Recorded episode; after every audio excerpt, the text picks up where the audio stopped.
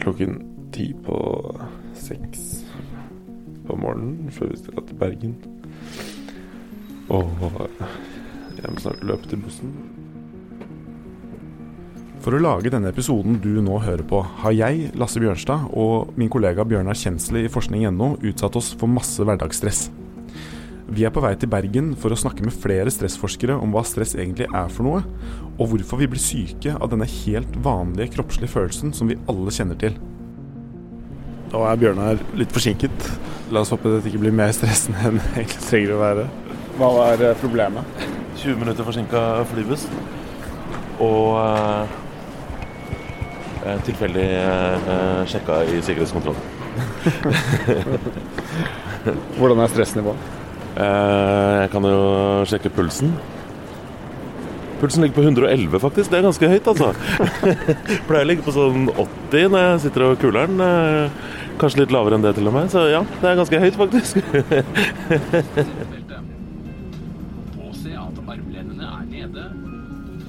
Jeg er eh, Bjørnar Kjensli fra forskning.no. Eh, Vi har vel alle lest noe om at stress er farlig, men når blir det egentlig farlig? Og hvor mye stress er for mye?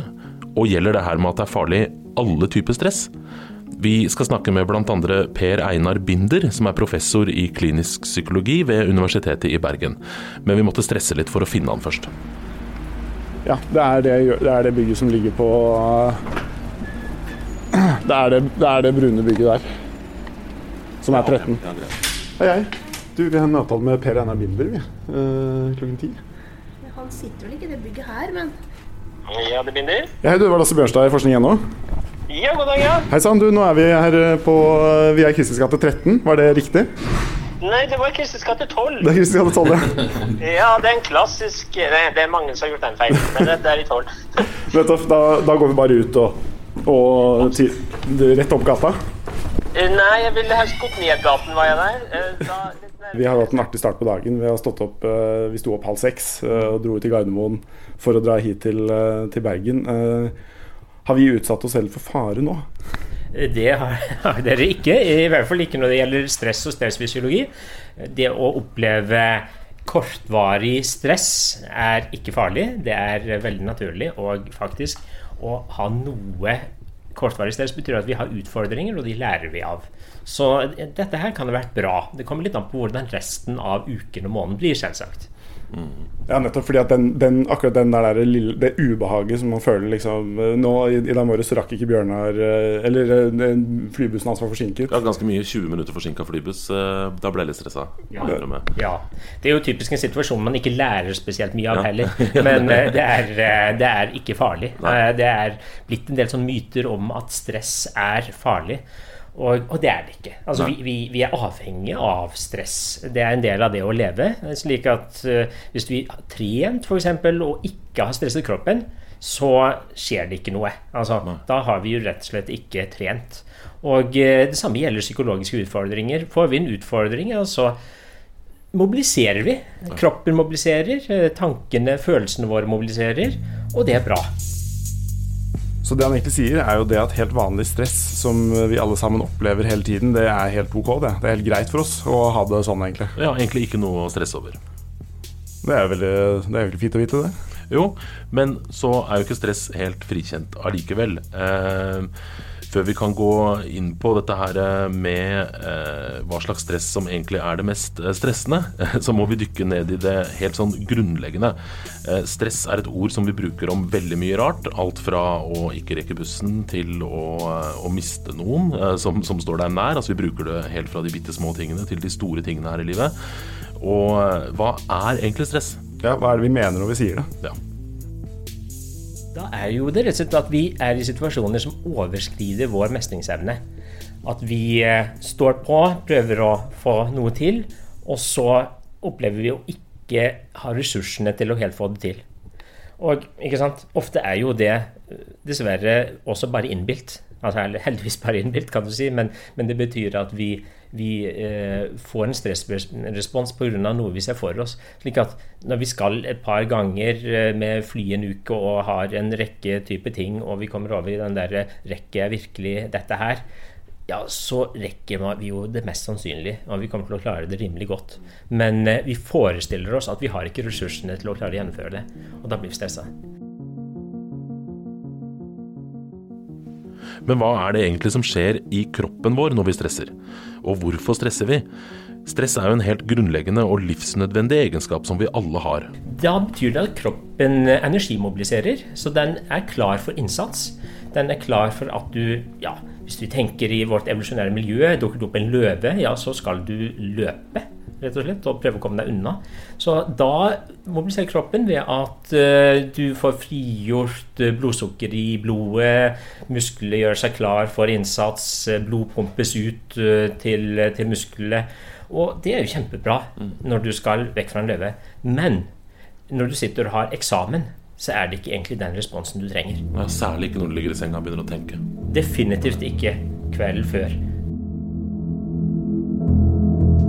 Dette her er jo en egenskap som har utviklet seg gjennom mange millioner år. Og vi har jo overlevd, sikkert en del pga. at vi har kunnet klare å rømme fra farer. Og det er jo ganske kjekt. Ja, altså stress har sikkert hjulpet oss opp gjennom, uh, gjennom menneskets historie. Og også for alle andre pattedyr også, så er dette her noe som, som uh, vi har for å overleve. Sånn at vi blir redde og rømmer fra farlige situasjoner. Men spørsmålet er jo når blir det her usunt, og når blir det uh, farlig?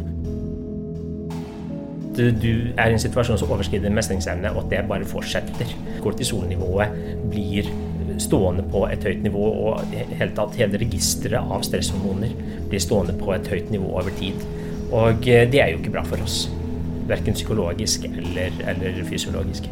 Og det er over måneder, eller? At man på en måte står, er aktivert i månedsvis? Det, absolutt, det kan man, kan man absolutt være i månedsvis, for den saks skyld i årevis. Det høres jo veldig slitsomt ut. Det er veldig slitsomt, og folk blir utmattet av det. Og eh, det gir Da er vi jo over det som er risikabelt. Altså når det gjelder eh, eh, helseplager. Eh, ikke sant? Mennesker som opplever å få en depresjon, har ofte hatt en veldig stressende hendelse eh, forut for det. Så det, stress er en klassisk utløser på, på depresjon.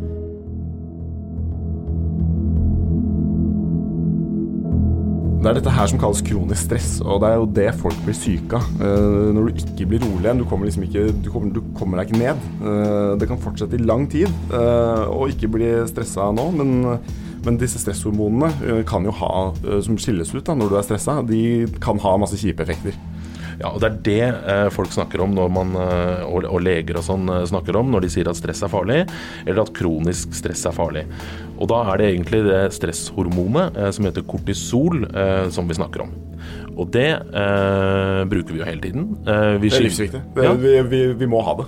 Ja, og vi merker det jo særlig om morgenen. Eh, når vi står opp, når vi, altså når vi våkner om morgenen, så har vi et høyt nivå av det her.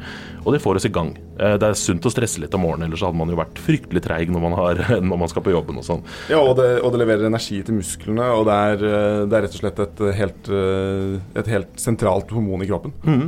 Men det som ikke er noe særlig, er hvis det ikke går tilbake. Om man har et høyt kortisolnivå over litt tid, så får man en ganske drøy liste over, over ting som kan skje med kroppen. Ja, det er jo det Binder snakket om, at dette kan jo være i årevis. Og det er jo en fryktelig følelse sikkert å gå rundt og være så stressa i så over lang tid. Mm. Men, uh, men, nå som dere, dere, dere, som hører på, må ikke bli stressa. Når, for dette er jo for så vidt en ganske stressende liste. det har blitt koblet til masse forskjellige helseplager i mange forskjellige studier. Dette har blitt forsket på i flere tiår. Og det er sånn typiske ting.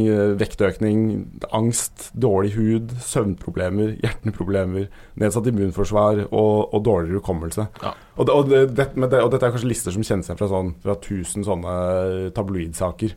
Uh, der ute. Mm, og Det er en ganske drøy liste. da Det er jo ganske mye alvorlig her. F.eks. hjerteproblemer og immunforsvar og dårlig hukommelse kan jo være ganske alvorlig, og angst òg for den saks skyld. Men uh, det er et viktig men her, som også Binder snakker om. Dette her er ikke snakk om korte stressperioder som vi alle går gjennom hele tiden. Dette her er snakk om såkalt kronisk stress. Det som, som, jeg jo også legger merke til nå, selv når jeg jobber med unge voksne, er jo at veldig mange bekymrer seg for stresset sitt. Altså de, de, tenker at 'oi, jeg er så stressa', og så har de lest veldig mye om hvor farlig stress er, og så blir de stressa av det. Så, så, så, jeg spør de jo innimellom hvordan ville livet ditt vært da hvis du, du, du fikk høre at stress ikke var farlig i det hele tatt? Hvor mye, mye av stresset ditt vil det ta vekk? Og da svarer jo gjerne folk ja, ja, ca. 50% eller noe sånt. Så det viser jo at det, det, har blitt noe rundt stress, og litt den sykeliggjøringen av stress, som ikke er bra for oss også. Er du uh, ofte stressa over at du er stressa, Bjørnar? Nei, eh, det er jeg ikke. Altså. Jeg er ikke, heldigvis ikke en sånn veldig stressa type. Jeg kan stresse over ting, men å stresse over stress, det gjør jeg heldigvis ikke. Det, det høres jo veldig slitsomt ut hvis man er i den, hvis man er i den leiren der, da. Når, ja. du først, eh, når, du først, begynner. Ja, og særlig vi som jobber her, så leser vi ganske mye om, om dette her. Altså, hvis man først begynner å stresse over sånne ting, så kan man sikkert bli ganske stressa. Det, er, eh, det er mer om dette her seinere, men før vi går videre, så skal vi høre en liten historie om noen som må stresse veldig mye på jobben. Uh, vi har nemlig snakket med en som heter Marie Wiel Møllersen, som er lege i spesialisering, som det heter på Narvik sykehus. Hun er på vakt i 26 timer av gangen og har mye stress på jobben. Og hun må løpe mellom pasienter og være i gang i time etter time etter time. Eh, vi har snakket med henne på Skype, siden hun, eh, hun, bor i Narvik og vi er i Oslo. Men eh, hun kan fortelle litt om hvordan hun opplever dette enorme stresset som hun kan få noen ganger på jobb. Som lege i spesialisering så var det fryktelig mye. Det var mye pasienter i mottak, og det var mange som ringte telefon. og um, Det var veldig mange avgjørelser som skulle tas på veldig kort tid. Og man følte på en måte at man måtte kunne det Nei, kunne mer enn det man egentlig kan. Eh, og det er jo veldig slitsomt. Og så når vi har sånn rapporteringsmøte da, klokka halv ett på dagen, så eh, sitter man jo der og skal rapportere, og da eh, tenkte jeg bare at nå er jeg så sliten, jeg har ikke spist, og jeg har ikke vært på do, og jeg har ikke gjort uh, noen ting annet enn å ta telefoner og prøve å ta riktige avgjørelser. Og da, da bare kom det en sånn liten sånn betryggende hånd rundt, eh, rundt eh, skulderen min og skulle høre om jeg hadde det bra. Og da bare begynte man å grine da, på dette her møtet, eh, hvor det sitter alle overleger og alle andre legene som sitter rundt det bordet. Og det, det var en litt sånn eh, komisk start da, i Narvik. Men eh, man hadde, veldig, hadde det litt morsomt etterpå, for det var eh, tydelig at det var ikke bare meg som hadde grått på Narvik sykehus, da. Så det var litt hyggelig å høre, da. Føler du at du har, har utarbeidet noen liksom, strategier eller noen triks for å, for å, for å takle det, det, stresset? Man prøver jo på en måte å være litt forberedt, da, for vi vet jo at det kan bli veldig stressende på jobb. Og da gjøre sånne ting som å sove godt i forkant og passe på at du har med deg matpakke f.eks. Ikke det at man ofte får spist den matpakka, men uh, i hvert fall gjøre et forsøk på å å ha ting tilrettelagt, da. Ble du stressa av den uh, historien til uh, Marie Wiel? Litt. Det hørtes veldig stressende ut å, å, være lege og jobbe såpass lange vakter.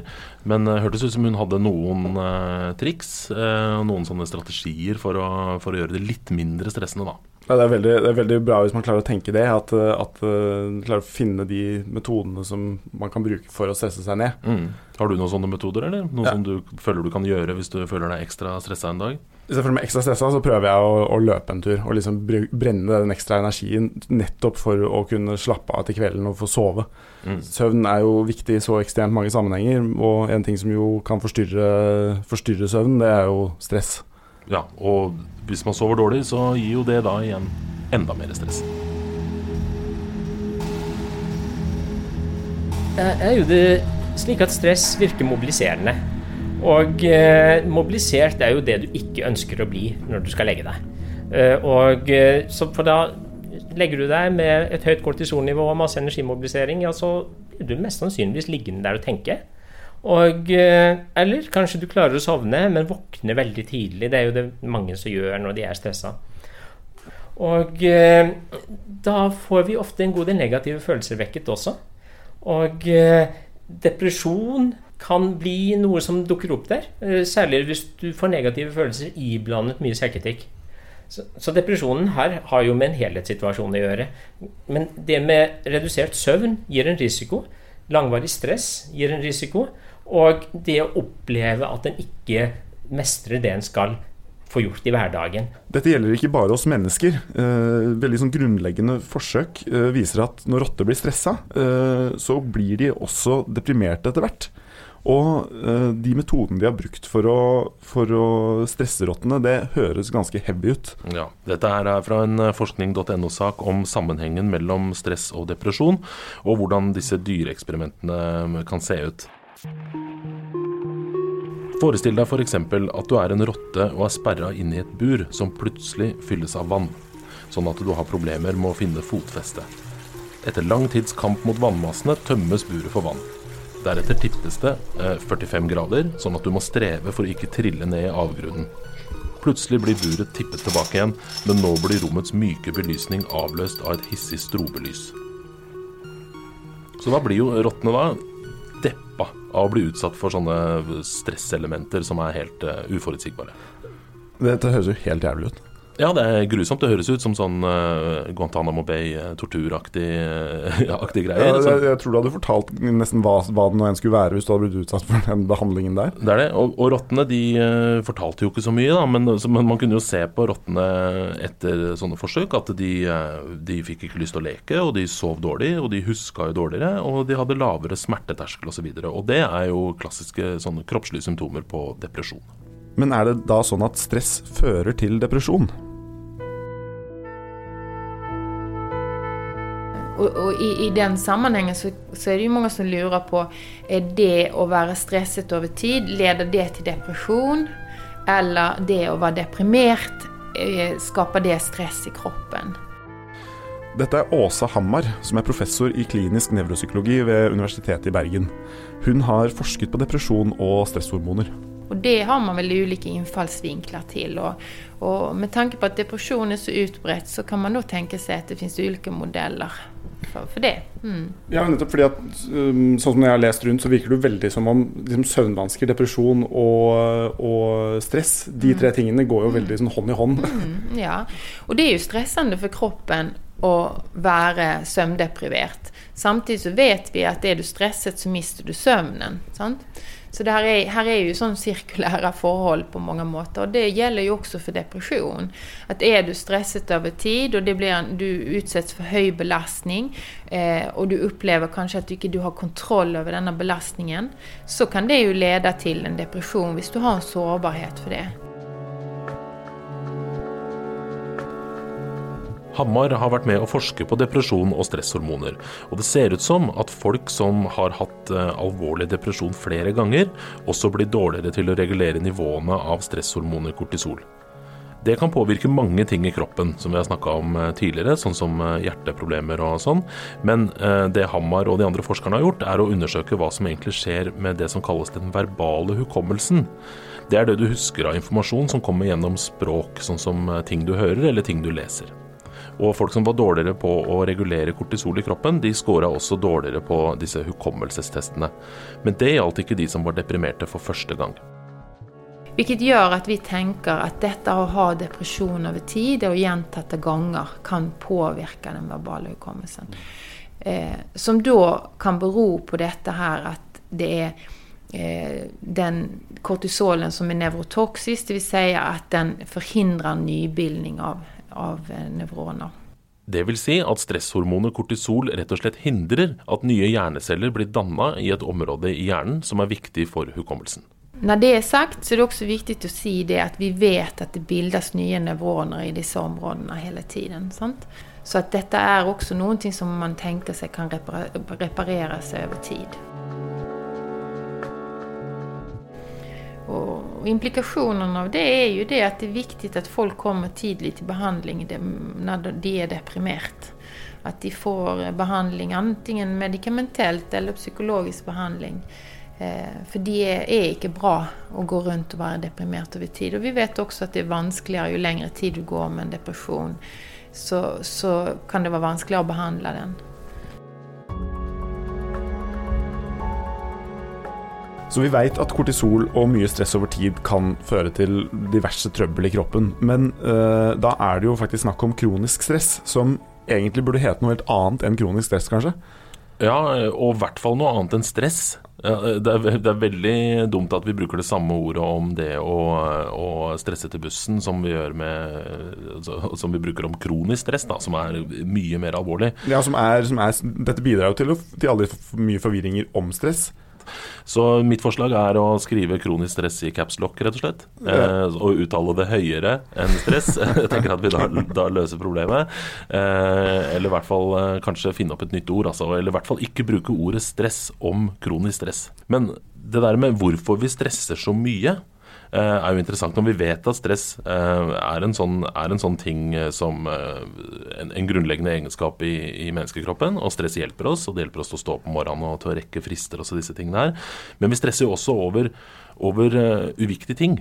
Altså Vi stresser over, uh, over ting på, som, som, frister på jobben, og det å, ikke rekke trening av hvordan vi ser ut, uh, og de tingene der som egentlig ikke har noen ting med livsfare å gjøre. Dette her er jo en helt sånn stress er der helt i bunn og grunn for at du skal kunne uh, flykte fra farlige situasjoner, eller, eller slåss, da. Uh, eller mm. takle situasjonen der og da. Liksom. Du mobiliserer skikkelig. Men vi mobiliserer jo over de minste tingene. Mm. Uh, vi mobiliserer i, i, perioder hvor vi ikke trenger å gjøre det i det hele tatt. Ja, vi kan være hos frisøren og få en litt sånn døv sveis og stresse. Ja, som bare det over det. Og, i, og hva er den responsen der? Hvorfor generaliserer vi stresset på den måten der? Vi har en tendens til å bekymre oss. Og eh, den evnen vi har til å bekymre oss, den henger jo sammen med at vi har en veldig god forestillingsevne. Slik at vi, har noen positive trekk som skaper trøbbel for oss. I vår kropp så er det det at vi ikke rekker en deadline, det kan få i gang en veldig veldig kraftig respons, selv om det altså ikke står li om livet. Altså det, er, det, er en deadline, det er en symbolikk ute og går der. Men vi kan jo faktisk ikke dø ut av den. Men, men kroppen vår den reagerer som dette her er en sånn reell kroppslig trussel. Så det er rett og slett igjen med den bekymringstendensen vi har. Og at uh, når vi ser for oss at ting kan gå veldig, veldig galt, så kommer hele stressystemet i gang. Da stiger kortisolet, da er vi klar for å mobilisere. Og vi er dessverre klar for å mobilisere kroppslig. Som f.eks. det å fylle ut selvangivelsen. Det er jo et, eh, det er virkelig en, en, stressende situasjon. Ja, ikke så ille nå som de har blitt elektroniske, men jeg husker jeg drev, eh, var frilanser et år og drev eh, foretak, og, og fikk selvangivelse på papir for næringsdrivende, eller hva det het. Og da gjorde kroppen min seg klar for å drepe eller bli drept. Det er ikke tvil om det, altså. Men alle disse, her, alle disse tingene her også, de henger jo også sammen med en ting som vi er veldig redd for, og det er jo statustapet. Ja. At vi er redde for å, det at vi er redde for småting, redde for drithus på jobben, ikke rekke trening, alt det der, mm. det henger jo Det er jo mange ting som, som rett og slett eh, vi føler kan skade hvordan vi vil framstå. Ja, og det er jo superviktig for oss uh, sosiale mennesker. Ja, det er egentlig det. Og det kan høres relativt uviktig ut, men uh, Binder mener det er en klar årsak til at disse tingene føles så stressende. I og med at vi er gruppevesener, så, så blir det ikke luksusproblemer. Altså, vi, vi, vi, er opptatt av å passe inn i flokken vår, og det kjennes veldig truende når, når det står på spill. Og igjen, det som er at vi, vi er symbol, symbolske vesener og ser for oss ting, det er noe med, igjen med å være menneske. Altså, ikke sant, sånn så Når antilopen blir jaget av en løve, så er det en helt konkret trussel. Og når ikke den trusselen er der lenger, så kan, kan lopen slappe av. Da kan den, den gresset spise. Da kobler den ut dette her.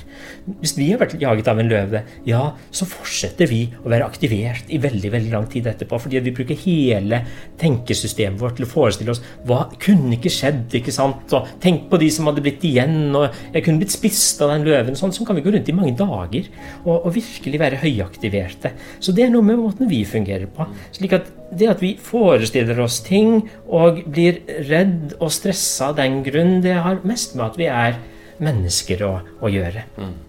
Er litt morsomt å tenke på at det kanskje fins en sånn nevrotisk antilope som faktisk tenker som et menneske der ute, på savannen. Det Men, eh, kan det ja. absolutt være. som hele tiden står og tenker på at det kan jo faktisk komme en løve når som helst. Altså. Men, ja, eh, ja, Da får vi håpe den har kognitiv kapasitet til å gjøre noe med det òg, og ja. finne mest mulig løvesikre steder og sånn. For det er jo det som er litt av clouet med, med, med, mennesker. Altså, vi er bekymret, men vi er intelligente òg. Så vi, vi, det har gitt oss en handlekraft som har vært konstruktiv for oss. Og alle disse bekymringene de tærer på oss. Uh, I en undersøkelse om psykisk helse fra Folkehelseinstituttet fra 2011 sa hele 26% av de som var med, at de opplevde liten grad av mestring i hverdagen. Det er ekstremt, det. Og uh, igjen så er det naturlig å tenke at det har noe med hvilke krav og standarder vi setter for hverdagen vår. Bare, altså vi må ikke bare ta det på oss selv, men vi har et samfunn rundt som har bygget opp noen forventninger til hvordan livene våre skal være, som neppe er helt bra for oss. Rett og slett. Det, det, en, det, mangler dette her å kunne si at nei, dette vil ikke jeg prioritere, dette er ikke så viktig for meg. Vi skal på en måte prioritere å utvikle oss selv og utvikle ja, barna skal utvikle både økonomi og kulturelle interesser og altså et altfor bredt register av ting på en gang. Vi blir slitne og utmattet av det. Vi trenger en verdirevolusjon her også. At vi trenger å forholde oss til andre altså det, det, er egentlig noen eksistensielle spørsmål vi står oppe i nå. Hva er det som faktisk er viktig i livene våre? Hva er det som, som gir mening i livene våre? Hva er det vi skal bruke tiden vår til når vi, når vi er her på jorden? Det er jo de spørsmålene vi trenger å komme tilbake til da. Og eh, da ser vi jo gjerne at en del av disse prestisjeprosjektene våre altså, ikke sant? Jeg er ikke så opptatt av at det, det står i nekrologen min at uh, Per Enne Binder han hadde veltrente biceps. Altså, det Jeg kan leve uten den. Eller dø uten den, for å si det sånn. Ja, det, er et, det, er et, veldig viktig perspektiv som jeg skal, jeg skal vedde på. at Når du står der i ditt kroniske stress og er helt oppjaget, da tenker du ikke på de tingene der. Nei, det er akkurat det. Så da, da kan alle sånne type ting bli ekstremt viktige. Er det noen uh, prestisjeprosjekter du er stressa for, Bjørnar? um, nei, egentlig ikke, tror jeg. Um, det hadde nok vært jeg eh, hadde nok svart ja hvis du hadde spurt meg for 10-15 år siden. Blitt litt mer avslappa med åra, kjenner jeg. Men det er jo noe, selvfølgelig. Jeg vil jo vil jo ha en fin leilighet og fin bil og prøve å se ålreit ut. Og vil jo holde familien min sammen og disse tingene her. Men at det er, ja, at det er veldig prestisje i det, det, det, tror jeg ikke, altså. Det er jo prestisje i forhold til uh, det sosiale, som vi har snakket om. Ja, det kan du si, men uh, ja, ja, uh, ja, det kan du, kan du, jo kanskje si. Altså, det skal litt til likevel, tror jeg, altså, for at jeg blir utstøtt fra min sosiale gruppe, håper jeg. Men har vi lært noe av å intervjue stressforskere? Ja, vi har jo i hvert fall lært at eh, stress er en helt eh, Det er helt ok med stress. Ja. Det, det, det, stress er en, er en, ting som man i hvert fall ikke skal være redd for. Nei. Og, og at eh, en, det å ha dette hverdagsstresset som vi alle sammen har nesten hver eneste dag, er jo er egentlig bare å akseptere ja. og ta som en konsekvens. Men hvis det blir for mye av det, og hvis det går over lang tid, så må man være litt forsiktig. Og det er jo ganske mye man kan gjøre for å håndtere det. Da, altså, dette her er jo, det, da, da, er vi jo inne på medisin, ikke sant? så da kan man jo gå til legen og få, få hjelp. Man kan, eh, man kan, eh, meditere eller drive med mindfulness og trene, og det er ganske mange sånne ting man kan gjøre. Jeg har gått til psykolog, og det er, ja. en, det er, en, det er, det er mange måter å, å roe seg ned på igjen. Ja. Eh, men det er jo selvfølgelig veldig viktig å vite at, at den mer alvorlige stress og sånn, det vil sannsynligvis alle oppleve i løpet av livet. Det, vi havner i situasjoner som vi ikke har noen kontroll over. Hvis vi mister jobben, eller hvis, hvis eh, noen vi, som er nære oss, dør, mm. så vil jo det være en veldig stressende situasjon. Og mm. det, det, det, kommer vi nok ikke unna, kanskje. Nei, en eller annen gang i løpet av livet så vil jo det treffe oss, og da er det jo greit å vite at det i hvert fall finnes ting man kan gjøre. Dette er en podkast fra forskning.no, og jeg heter Lasse Bjørstad. Og jeg heter uh, Bjørnar Kjensli. Og hvis du vil, uh, så vil vi gjerne at du uh, både rater og gir stjerner og deler og liker podkasten vår. Og forteller vennene dine om det hvis du syns dette var gøy. Ja, veldig gjerne.